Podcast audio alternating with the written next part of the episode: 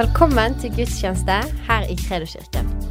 Nå så hører du på en av våre taler fra forrige søndag. Der reiste han seg og truet vinden og bølgene, så de la seg, og det ble blikk stille. Han sa til dem, 'Hvor er deres tro?' Men de var grepet av frykt og undring og sa til hverandre, 'Hvem er han?' Han befaler både vinden og sjøen, og de adlyder ham. Hva var det Jesus sa?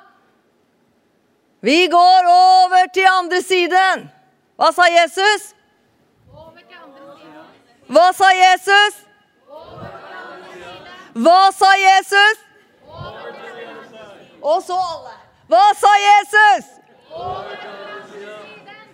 Amen. Over til andre siden. Det var det Jesus sa. Så skal vi lese et ord til i Johannes 14, vers 1. Da sier Jesus La ikke hjertet bli grepet av angst. Tro på Gud og tro på meg. Vi tar første verset, bare. La ikke hjertet bli grepet av angst. Tro på Gud og tro på meg. Det er du og jeg som tillater om våre hjerter skal bli grepet av angst eller ikke. Vi har noen valg å ta. Vi har noen bestemmelser vi må ta. Men Jesus sa 'tro på meg' og 'tro på Gud'. Mitt tema, overskrift i dag, er 'Jesus, din baugpropell'. Vet alle hva baugpropell er? Jeg har fått en erfaring denne sommeren, så nå vet jeg veldig godt hva en baugpropell er. Den er foran på båten. Det er en liten propell der som hjelper deg å styre. Styre litt kjapt rundt, litt tilbake, litt fram. Og hjelper deg å holde kursen. Så en baugpropell er superviktig.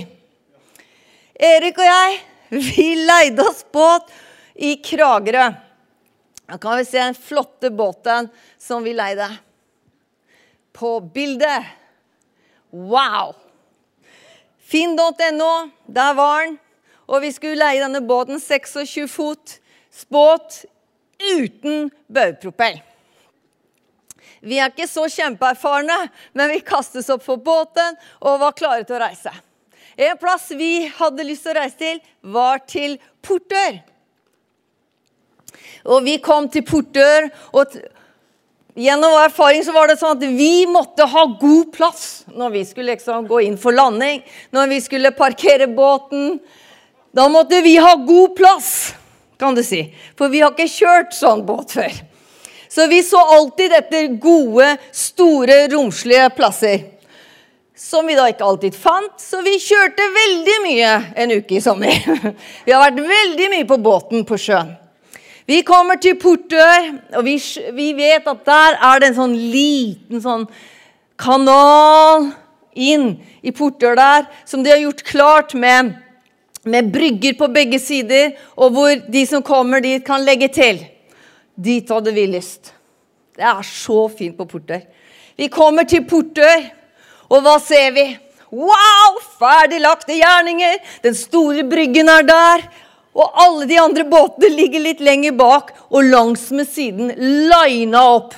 Og der er bryggen klar for oss. Vi kjører inn. Erik er kaptein. Jeg dirigerer. Vi ser ut som vi er bare så proffe, ikke sant? Kommer inn til bryggen nærmere og nærmere. Og da ser jeg på bryggekanten, og nå skjønner jeg jo hvorfor den var ledig. Ujevn høyde. Ujevn vannstand. Og jeg ser ned. De er steinete. Det er like før vår båt kan bli ødelagt. Så jeg sier, 'Erik, kjør tilbake! Dette er ikke plassen!' Han kjører tilbake. Denne motoren er ikke så veldig kraftig, så det går litt sakte. Og så er det en strøm i vannet. Vinden tar tak i båten, og vi bare begynner å seile innover. Hvor det da bare er parkert langs med hele her millionklassebåter som bare står og skinner. Og der ligger de i båtene sine, slikker sol. Og der kommer vi innover. Og jeg bare står der bare Hva gjør vi? Det er ikke noe å gjøre. Og vi bare blir dratt innover og innover. Og disse flotte, flotte, store båtene venter på et smell. Folk kommer ut på båtene sine og bare Ikke rør, ødelegg vår båt. Vi står nesten, jeg står bare i panikk inni meg. Det er faktisk ingenting å gjøre, for vi kan ikke snu. Det er så smalt. Og uansett hvordan vi gjør Erik prøvde, da. Uansett hva vi gjør, vi kommer ingen vei. Da er det et lurt menneske. Han hopper inn i plastikkbåten sin. Du vet sånn som disse yachtene har, vet du. Hopper oppi der. Jeg skal være baugpropellen deres! Så han bare smeller inn båten sin foran i vår båt og begynner å gasse på. Og litt om litt så bare mm, går båten vår sakte, men sikkert for ny retning. Og vi bare sneier de feite millionklassebåtene og kjører ut. Jeg bare sier 'Tusen takk, dere! Vi kommer ikke tilbake!' Og så dro vi. Jeg tror de også var veldig glad for det. Åh. For en opplevelse. Og sånn kan det jo ofte være i livene våre også, ikke sant? Vi har retningen. Ting er bare så på stell. Huset er der, bilen er der. Kanskje drømmejobben er der. Kanskje du har fått skoleplassen, dama du har lett etter lenge, er der. Og mannen eller gutten som du bare liksom har satt din krok på. Ser ut som du får napp. At ting går bra. Livet er fint, kroppen fungerer. Ja, i grunnen greit. Og det er liksom Du har kursen, du har retningen, og sola skinner, og livet er egentlig ganske greit. Men så plutselig så skjer det en forandring. Et lite skifte, kan du si. Plutselig oppstår det noen ting som gjør at du bare må trekke deg litt tilbake. Det blir kanskje ikke akkurat sånn som du hadde faktisk tenkt. Ting bare begynner å forandre seg. Og du føler kanskje livet bare begynner å drifte. Eller at det bare står stilt. Og du vet ikke helt hva gjør jeg nå? For ting har bare forandret seg. Fortsetter det nå, så går det ille her går, krasjer det fullstendig. Livet mitt blir ødelagt. Eller jeg aner ikke hva som skal skje. Der kan mange av oss finne oss selv. Mange ganger kan vi finne oss selv i Plutselig står vi overfor en situasjon vi ikke hadde noe planer om skulle skje. Og vi er bare litt på villrede. Hva tror du? Hva gjør vi da? Da tilkaller vi baugpropellen. Og han er skikkelig klar til å hoppe inn i din situasjon og min situasjon og hjelpe oss til å finne retningen, til å få oss på rett kurs igjen. Han er bare supergod baugpropell. Jeg har i hvert fall erfart det sånn at når jeg står i en sånn situasjon, så går jeg alltid tilbake. Hva sa du, Jesus? Hva sa du? Sa du du skal over på den andre siden? Har jeg latt hjertet mitt bli grepet av frykt, så jeg verken ser, forstår eller skjønner hvor dette ender? Må jeg ta et valg igjen til å sette Jesus, fokus på Jesus? Stole på Jesus. Stole på at baugpropellen vil styre meg tilbake igjen på den rette, gode vei. For han har gode planer. Han vet hvilke planer han har for deg og meg. Han vet hvilken retning vi skal gå. Så jeg ofte går tilbake. Hva sa du egentlig?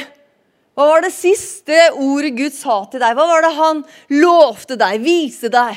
Gå tilbake til det og finn energi, kraft, tro, håp, forventning igjen. Baugpropellen Jesus hjelper deg.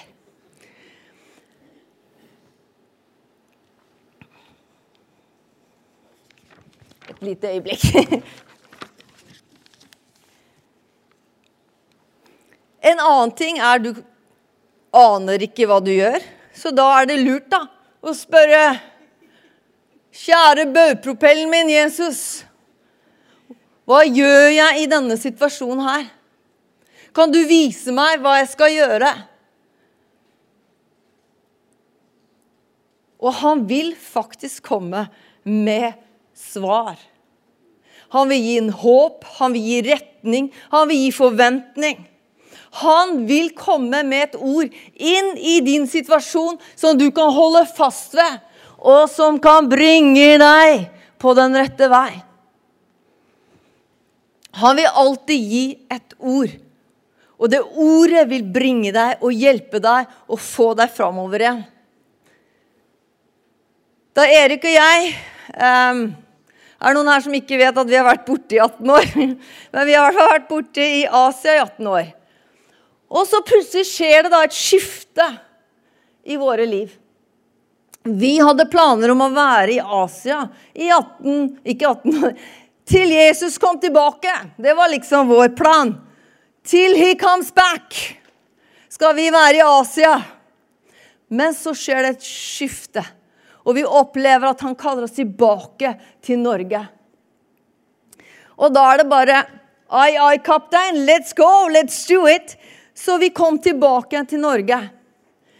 Men vi hadde ikke hus. Vi hadde ikke bil. Erik hadde en 40% stilling. Jeg fikk en 60% stilling. Vi hadde en leilighet i Drammen som eh, har vært vår melkeku i alle årene her. Og den leiligheten, da vi kom tilbake, ble erklært ikke som leilighet, men som et, et meierirom, som et vaskerom, og ikke kan leies ut. Så vi mistet store inntekter der også på den leiligheten vi hadde i Drammen, som nå ikke var en leilighet lenger. Så der sto vi, da. In the drift. Hva skjer nå? Hva gjør vi nå? Da kom salme, fordi han taler. Jesus er baugpropellen. Da kom Salme 37, vers 3 opp. Stol på Herren og gjør godt. Bo i landet og lev av hans trofasthet. Og du vet, når Gud taler, så skjer det noen ting med oss. Når Gud taler, så forløses det en forventning, en tro. Og midt oppi der hvor én pluss én er lik to i det naturlige, så ble plutselig én pluss én fem. For Gud kom inn med overnaturlige måter å løse vår situasjon med. Og når han sier at jeg skal bo i landet og leve av hans trofasthet, så må jeg velge å tro på det. Jeg må velge å tro på at jeg skal leve av hans trofasthet. Hva betyr det at jeg skal bo i landet og leve av hans trofasthet? Og vi bare opplevde at vi skulle bare stilne og stole på at Gud ville forsørge alle ting. Selv om det naturlige hylte og skreik og sa 'du må få deg jobb'. Du må løpe, finne plass, du må få jobb, du må få inntekt. Du må få, du må hit, du må dit. Men på grunn av dette ordet så greide vi bare å stille hjertene våre på dette ordet. Bo i landet og lev av min trofasthet. Et år etter kunne vi snu oss tilbake og si at yes, sannelig er Gud trofast i sitt ord.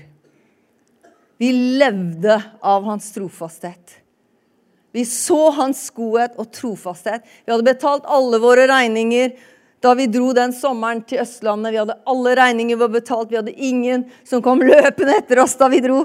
Det, alt var oppgjort og fiksa og ferdig, og Gud hadde vist sin trofasthet. Amen. Han vil alltid gi deg og meg et ord. Uansett hvilken situasjon du eller jeg har havna oppi, så har han et ord. Og du og jeg, vi må velge å tro på det. Og det er litt kamp, vet du. For der kan vi bare bli kjørt både hit og dit. Ta et valg. Jeg vil tro på det du har sagt. Du vet, Noen kan også oppleve, sånn som her nå, at eh, sånn som Elisabeth fikk et ord til et par stykker her. Da kan du gripe det ordet. Tro på det ordet. Du må ta et valg i dag, faktisk, og tro på det ordet. Det var til meg. Det tar jeg. Noen ganger så når vi er sammen, så kan du få et profetisk ord. Noen kan komme til deg og gi deg et ord, profetisk ord. Du kan være på en hvor som helst, egentlig, men du får et profetisk ord av noen. Profetisk ord, vil si noen taler inn i ditt liv. Taler inn et ord inn i ditt liv. Og noen ganger er det såpass stort at det er vanskelig egentlig å, å omfavne det i hodet. For det er for stort, rett og slett. Og fordi du får det utenfra, så krever det noen ganger, i hvert fall det opplever jeg, at det tar, krever litt mer av meg. At jeg må, må, gi meg til det ordet. Be meg inn i det ordet. Tale det ordet. Meditere på det ordet.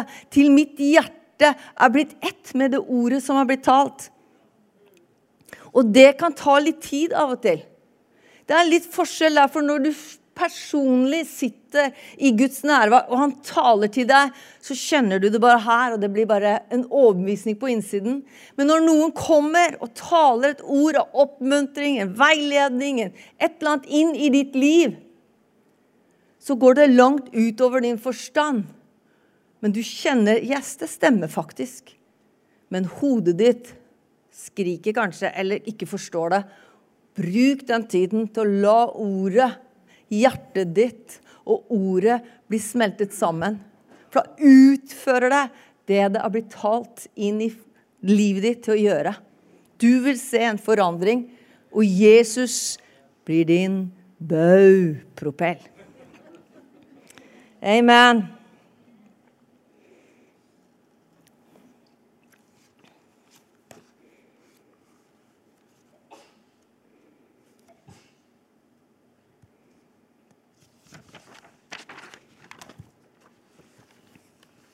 Hebreerne 4,2 så står det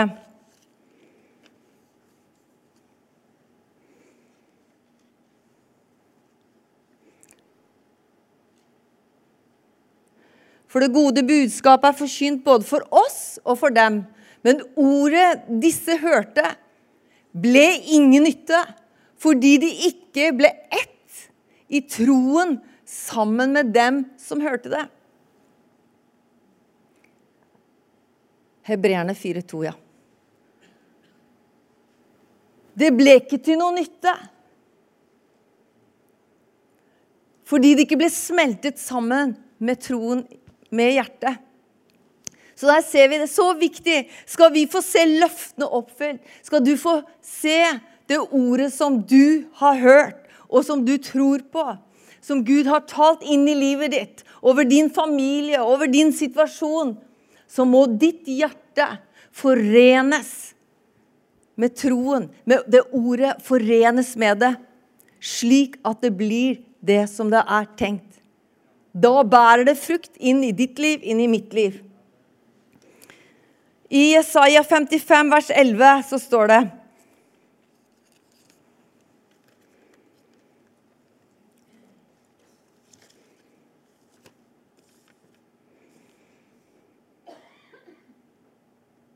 Slik skal mitt ord være.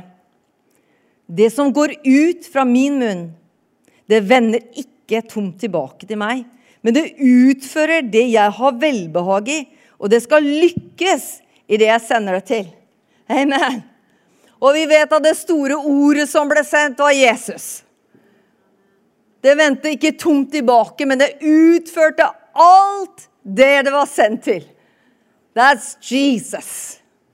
Men han har også gitt oss ord. Ordet er levende. Bibelen er levende, dere. Så når du og jeg leser Guds ord, så utfører det noe i oss når vi tror på det, tar imot det. Så utfører det noe i våre hjerter. Det bærer frukt i våre liv. Helt fantastisk. Men det Vi må igjen Vi må ta et valg. Tror jeg på det? Våger jeg å gå med det? Våger jeg å løpe med det? Våger jeg å hvile i det? Våger jeg å stå i det? For ting kan ta litt tid noen ganger. Så jeg får oppmuntre deg om du har stått en distanse, om du har stått en tid og du ennå ikke har sett gjennombruddet av det ordet, av det løftet du har fått. Ikke gi opp! Bare fortsett. Bare hold fast ved det han har sagt. For han er baugpropellen, og det vil bli slik som han har sagt. For han har sagt det ordet som jeg har gitt deg, som jeg har sendt, det vil ikke vende tomt tilbake. Om du og jeg bevarer det hjertet vårt, tror på det, mediterer på det, taler det, forventer det, så gi ikke opp. La Guds ånd få bare blåse en forventning inn i ditt hjerte igjen på det ordet, på det løftet han har gitt deg. For han som har gitt det, han er trofast. Han forandrer seg ikke. Han forandrer seg ikke. Han er den samme. Så vi vet hvem vi tror på. Derfor sa Jesus, frykt ikke. La ikke ditt hjerte bli grepet av frykt, uro. Stol på Gud, og stol på meg. Så du og jeg, vi er kalt til å stole på Gud og stole på Jesus.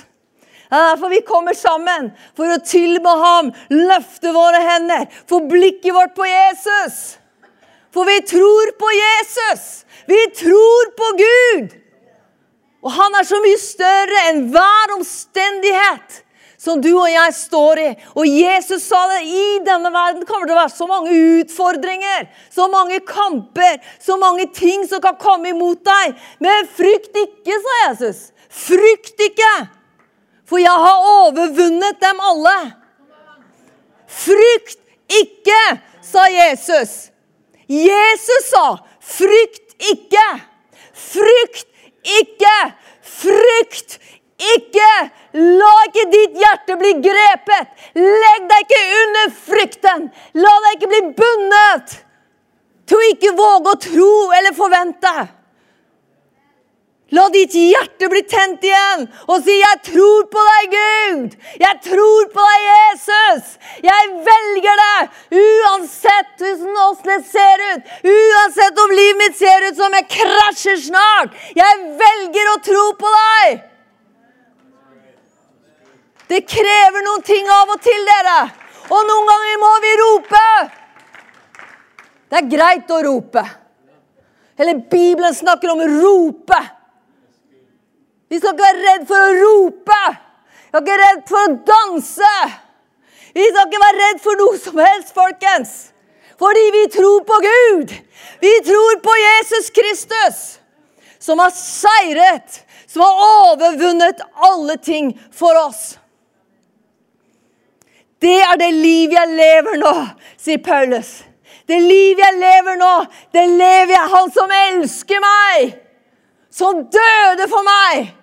Og Da får vi prise Gud her. Fordi han elsker meg. Han elsker meg! Han elsker meg!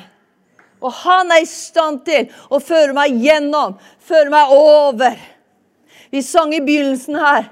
Det er ikke en det er ikke en, en, et fjell som er høyt nok som ikke han kan komme opp til. Det er ikke en mur som er for kraftig til at han kan sparke gjennom. Han vil gjøre alt for å komme inn i din og min situasjon. Han vil gjøre absolutt alt for å komme igjennom. Og til være din og min baugpropell. Men nå må vi være villige til å lytte, folkens. Vi må være villige til å si, 'Gud, du må tale inn i denne situasjonen.' her. Vis meg, Herre. Og han vil. Det er ikke noe mer han vil. Vi hører hans røst. Vi er hans barn. Det kan komme en visshet, det kan komme en trygghet. Det kan komme et ord. Det kan komme en oppmuntring fra noen. Men for vær sikker, det kommer til å sette kurs. Og frykten må bøye seg. Usikkerheten må bøye seg. For Gud er større, og vi er kalt å leve i det overnaturlige. Vi er så vant med å leve i det naturlige. Men vi, vi er kalt til å leve over det naturlige.